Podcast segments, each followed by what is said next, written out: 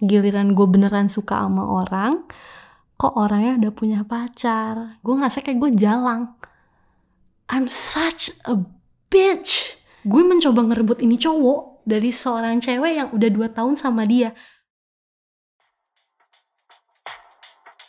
Hai, nama gue Tisha, gue 25 tahun, dan gue adalah selingkuhan senior di kantor lama gue. Tapi sebelum kalian nilai cerita gue, mending didengerin dulu deh. Awalnya gue ketemu Rian sebagai senior gue di kantor yang lama. Saat itu, gue nggak tahu kalau Rian udah punya pacar. Yang gue tahu adalah dia senior gue, dia very helpful, and he's very charming emang dia kayaknya minggu pertama gue kerja di sana tuh dia sempat nanya kok ke gue ehm, punya pacar nggak dan pada saat itu gue masih punya idealisme gue nggak mau punya pacar sampai 2023 apa pun alasannya gue nggak mau punya pacar. Pokoknya gue pengen single gue pengen fokus sama karir gue gue pengen fokus sama finansial gue gue mau fokus sama self development gue gue nggak butuh namanya trauma romantis lagi gue nggak butuh. Dan gue langsung ngomong itu ke dia. Ada atau nggak ada pacar kesepian is normal dan gue masih punya teman-teman gue jadi aman. Gue jujur gue lupa detailnya gimana tapi rahasia gue minum alkohol tuh terbongkar di kantor dan gue pikir gue akan dijudge abis-abisan sama Rian karena gue pikir Rian ini tipe-tipe orang yang nggak nggak ngerokok nggak minum nggak segala macam. Eh respon dia cuma yuk minum minum bareng. Terus kayak gue pikir uh, gue nanya dong kayak berdua doang? Atau coba mau cari mau ajak yang lain juga? Gitu kan. Dan akhirnya dia bilang ya udah kita ajak yang lain. Nah eventually semua orang cancel kecuali gue dan dia.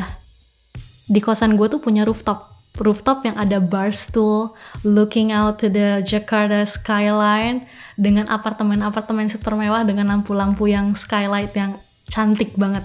Makanya gue kayak yaudah yuk kita housewarming. Gak usah minum yang berat cukup kayak lo tau uh, Smirnoff yang lemonade ice gitu gak sih? Nah yang itu. Gak ada yang bisa datang akhirnya yaudah gak apa-apa gue sama Rian aja. Dan pada saat itu karena gue gak mau punya pacar gue gak ada pikiran ke arah sana saat itu gue gak tahu kalau Rian udah punya pacar. Di situ tuh dia baru ngomong gue punya pacar. Dan dia ngejelasin udah dua udah mau jalan mau dua tahun. Tapi gue ngerasa nggak bahagia. Hubungannya dia tuh udah tipe-tipe hubungan yang dingin. Ngechat tuh sekedar ngabarin doang udah nggak ada rasa. Terus sering berantem. Dan gue pikir ceweknya tipe-tipe cewek karir yang mbak-mbak SCBD asumsi gue pada saat itu tuh karena sesibuk apa sih? Sampai lo nggak bisa jalan sama pacar lo sendiri. Ternyata itu semua awal dari drama-drama percintaan yang seharusnya nggak gue miliki. Setelah kejadian itu setelah percakapan itu gue nggak mikir kalau hubungan ini tuh nggak akan ke mana-mana. Karena emang kayak gue nggak ngeliat ada arah. Simply karena ya dua teman kerja yang saling cerita FYI gue nggak tahu kalau Rian suka sama gue. Gue pikir ini hanya one sided dan gue baru tahu ternyata dia juga suka sama gue. Itu gue masih inget banget 3 Desember. Kejadiannya adalah kita coba minum-minum lagi. Tapi this time instead of cocktail dalam botol is legit abidin. Terus kayak dan bodohnya dia juga minum. Kita berdua sama-sama minum alkohol yang cukup keras. Tapi gue punya self control yang cukup kuat pada saat itu. Gue gak ngomong soal perasaan gue gue cuma ngomong soal kayak kayak gue curhat tentang kerjaan gue yang membuat gue merana burn out. Pada saat itu kayak dia ngomong lo mabok banget Tish. Dah sini minggir dulu. Gue dipinggirin lah dan gue dirangkul. Gue diusap-usap. Oh gue sangat amat lemah terhadap physical touch by the way. Gue nggak bisa banget diusap-usap kayak gitu. Apalagi dia ngusap-ngusap selain pundak kepala juga. Wah gue nggak bisa. Nah terus gue cuma diem karena gue masih kepikiran kayak ah nih cowok punya cewek, nih cowok udah punya pacar, nih cowok in a committed relationship. Please jangan Tish, you're not this girl. Lo bukan orang ini, please jangan. Dia itu gue masih mencoba melawan diri gue sendiri. Dia ngomong, Tish, kalau gue nggak punya cewek, gue akan ngejar lo. Boom. Terus gue ngerasa kayak, ah, ini orang habis minum. Gue rasa nggak bener nih. Dan gue diem, gue diem, gue nggak ngomong apa-apa. Terus uh, setelah that moment of silence gue cuma nepuk pipi dia. You are drunk. Go home. Setelah gue nyuruh dia pulang dia pulang. Sebelum dia pulang tuh dia sempat ngomong thank you ya. Lo jaga diri. Terus dia meluk gue terus nyium kening gue gak bisa gue digituin. Jangan gak bisa. Gue lulu apa kayak gue gak bisa digituin lulu semua. Nah akhirnya kayak setelah dia pulang gue cuma kayak di di atas kasur yang kayak di atas kasur duduk di pinggiran kasur terus kayak gue badan gue semua tegang terus kayak what just happened? How am I supposed to feel things? Gue nggak tahu gue harus ngerasain apa? Gue ngasihin senang karena dia ternyata suka sama gue. Tapi gue gue ngerasa juga bersalah. Gue lagi mau coba ngerebut ini cowok kayak no no no no. Dia cuma mabok he's under the influence semua orang akan semua orang akan lupa soal ini. Gak ada yang gak akan ada yang ingat. Nah akhirnya gue tiba tidur lah kayak semua ini hanya mimpi semua ini hanya mimpi semua ini hanya mimpi. Nah besoknya gue mau ke Bogor. Nah dia ngechat semalam aku nggak mabuk. Hmm. Lord have mercy on my soul. Gue nolak banget karena ini kan kita umur udah 20-an ya dan gue pikir ini hubungannya udah serius karena gue kayak masa sih umur 23an masih main-main sana sini? Ya nggak? Jadi kayak ah ini pasti udah mau kenikahan. Gue nggak bisa ngebreak this up. Gue nggak bisa. Gue nggak mau gue nggak mau jadi pelakor. Gue I don't wanna be that girl. Terus dia ngirim pap pap selfie-nya dia. Gue ngerasa kayak kirim gak ya? Kirim gak ya? You know what? Gue pengen ngetes ombak. Siapa tahu gitu. Gue pengen gue pengen tahu ini orang tuh sebenarnya semalam serius atau enggak gue pap keadaannya gue nggak pakai makeup nggak apa-apa. Gak, gak gue nggak pakai makeup gue cuma pakai kaos gue nggak nyisiran. Literally just me in a car smiling that's it. Respon dia terhadap pap itu adalah so charming. Man apa gue perlu tes ombak lebih jauh? Gue tes ombak lebih jauh bodohnya. Awas nanti naksir. Gue ngomong gitu doang. Terus responnya dia emang udah naksir kok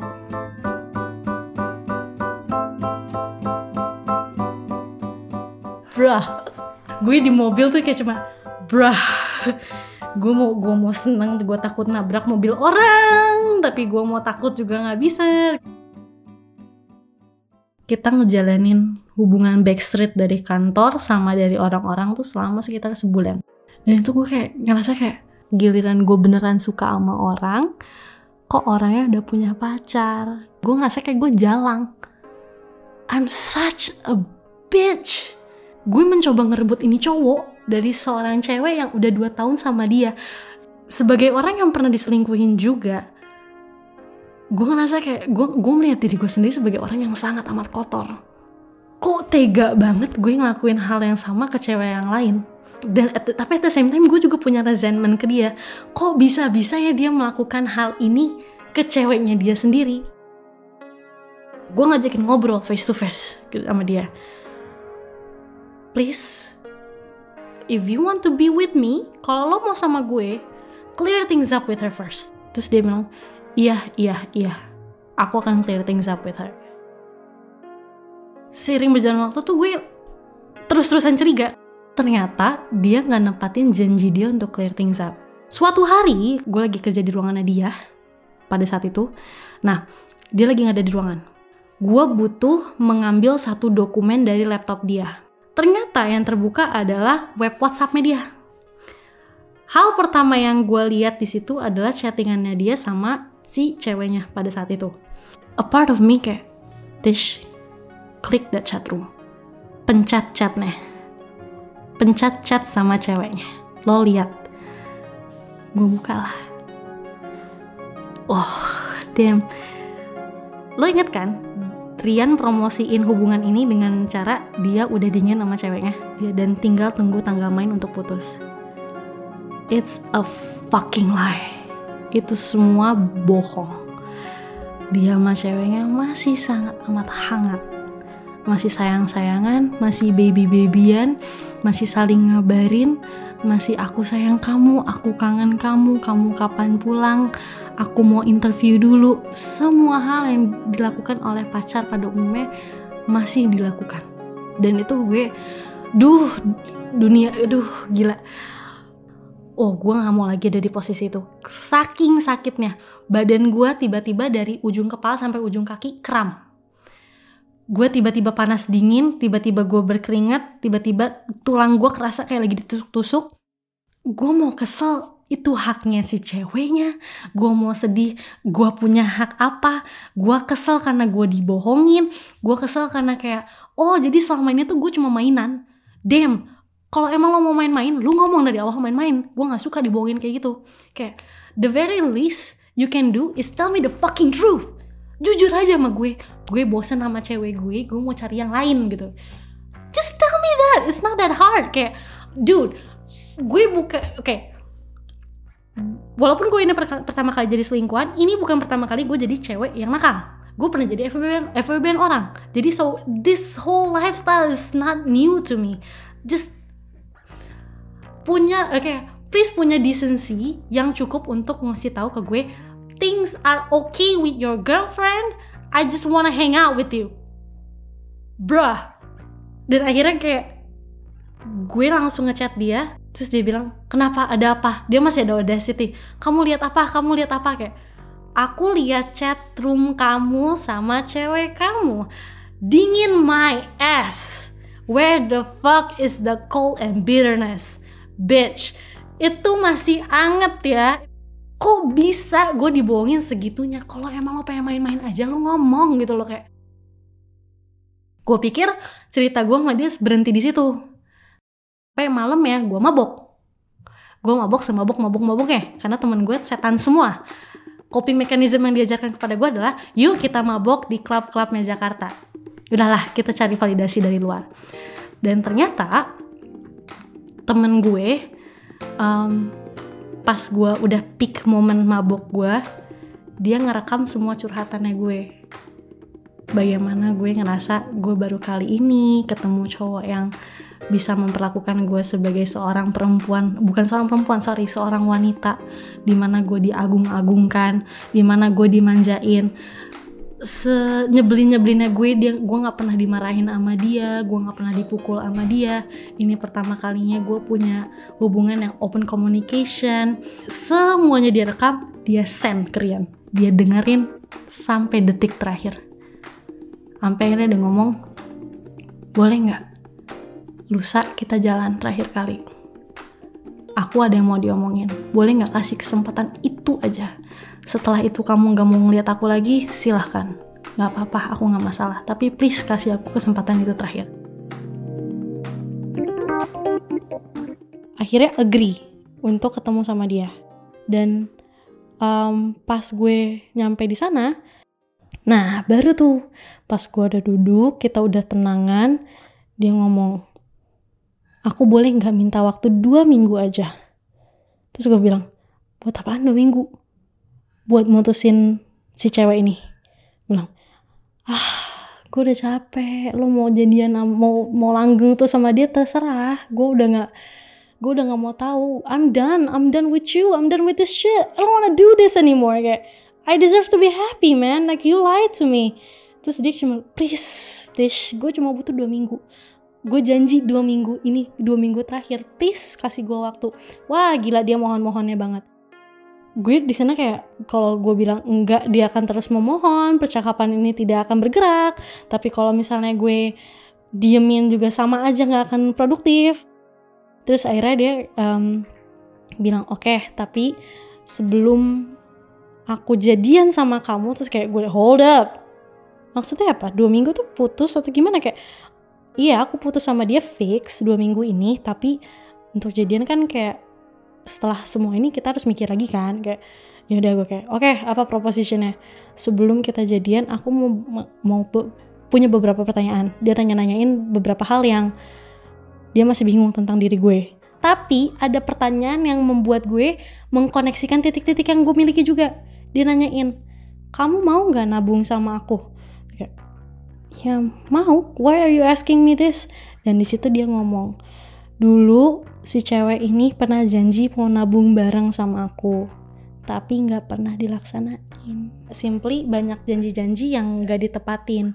Dan di situ juga dia buka kartu ceweknya pernah nyelingkuhin dia tiga kali. Yang dia kasih tau ke gue tiga kali. Dan semuanya di awal-awal hubungan. Terus gue mikir kan kalau itu alasan lo kok nggak diputusin? What the fuck? Kenapa lo masih kayak kenapa lo masih mempertahankan hubungan ini? Apa yang terjadi gitu loh kayak? Dan dia explain ke gue gue mempertahankan hubungan itu karena dia pikir gak akan ada lagi yang mau sayang sama dia. Makanya dia kaget waktu gue menunjukkan affectionnya gue ke dia yang gue apa namanya gue ngertiin dia gue cerita gue kalau dia cerita gue ngedengerin semuanya. Basically dia shock. Oh ternyata tuh cowok bisa disayang segini ya? Dia pikir diselingkuin tuh normal dan harusnya sebagai cowok dia yang sabar dan dia yang ngalah. Nggak seharusnya cowok yang kalau si ceweknya marah-marah cowok nggak punya hak untuk mengkoreksi perilaku cewek ini. That's what he thought dia nangis. Gue belum pernah lihat dia nangis sebelumnya by the way. Terus dia nangis. Gue nggak bisa. Nggak ada lo gue nggak bisa. You make me better. Kayak please boleh nggak? Please kasih kesempatan sekali lagi aja. Kayak oke okay, yaudah deh. Yaudah let's try this. Fuck it. Let's try this. Yaudah jadian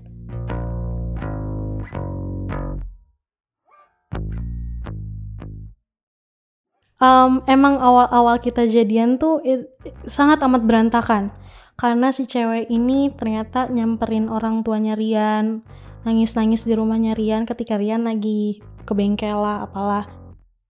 Terus si cewek ini sempat ngelabrak gue lewat DM IG tapi untungnya sekarang udah gak ada masalah.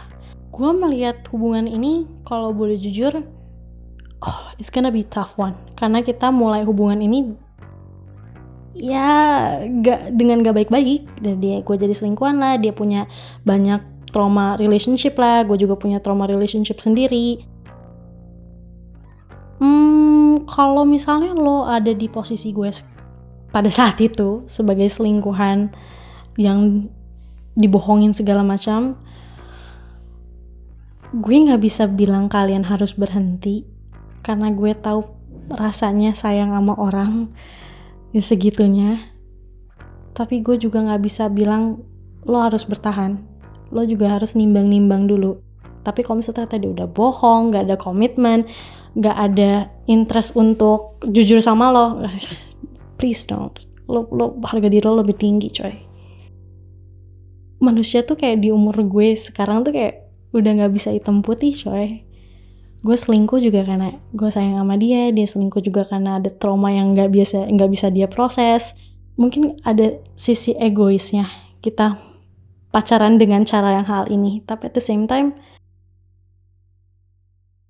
ekspektasi lu ketinggian kalau lo minta orang yang udah trauma segitu besarnya untuk be honest, untuk jujur sama diri sendiri, sendiri tuh kayak ekspektasi lo ketinggian. The very least, enggaknya lo bisa ya udahlah coba ngertiin dulu aja. Coba dengerin dulu ceritanya, apa yang terjadi. Enggak semua pelakor jelek kok.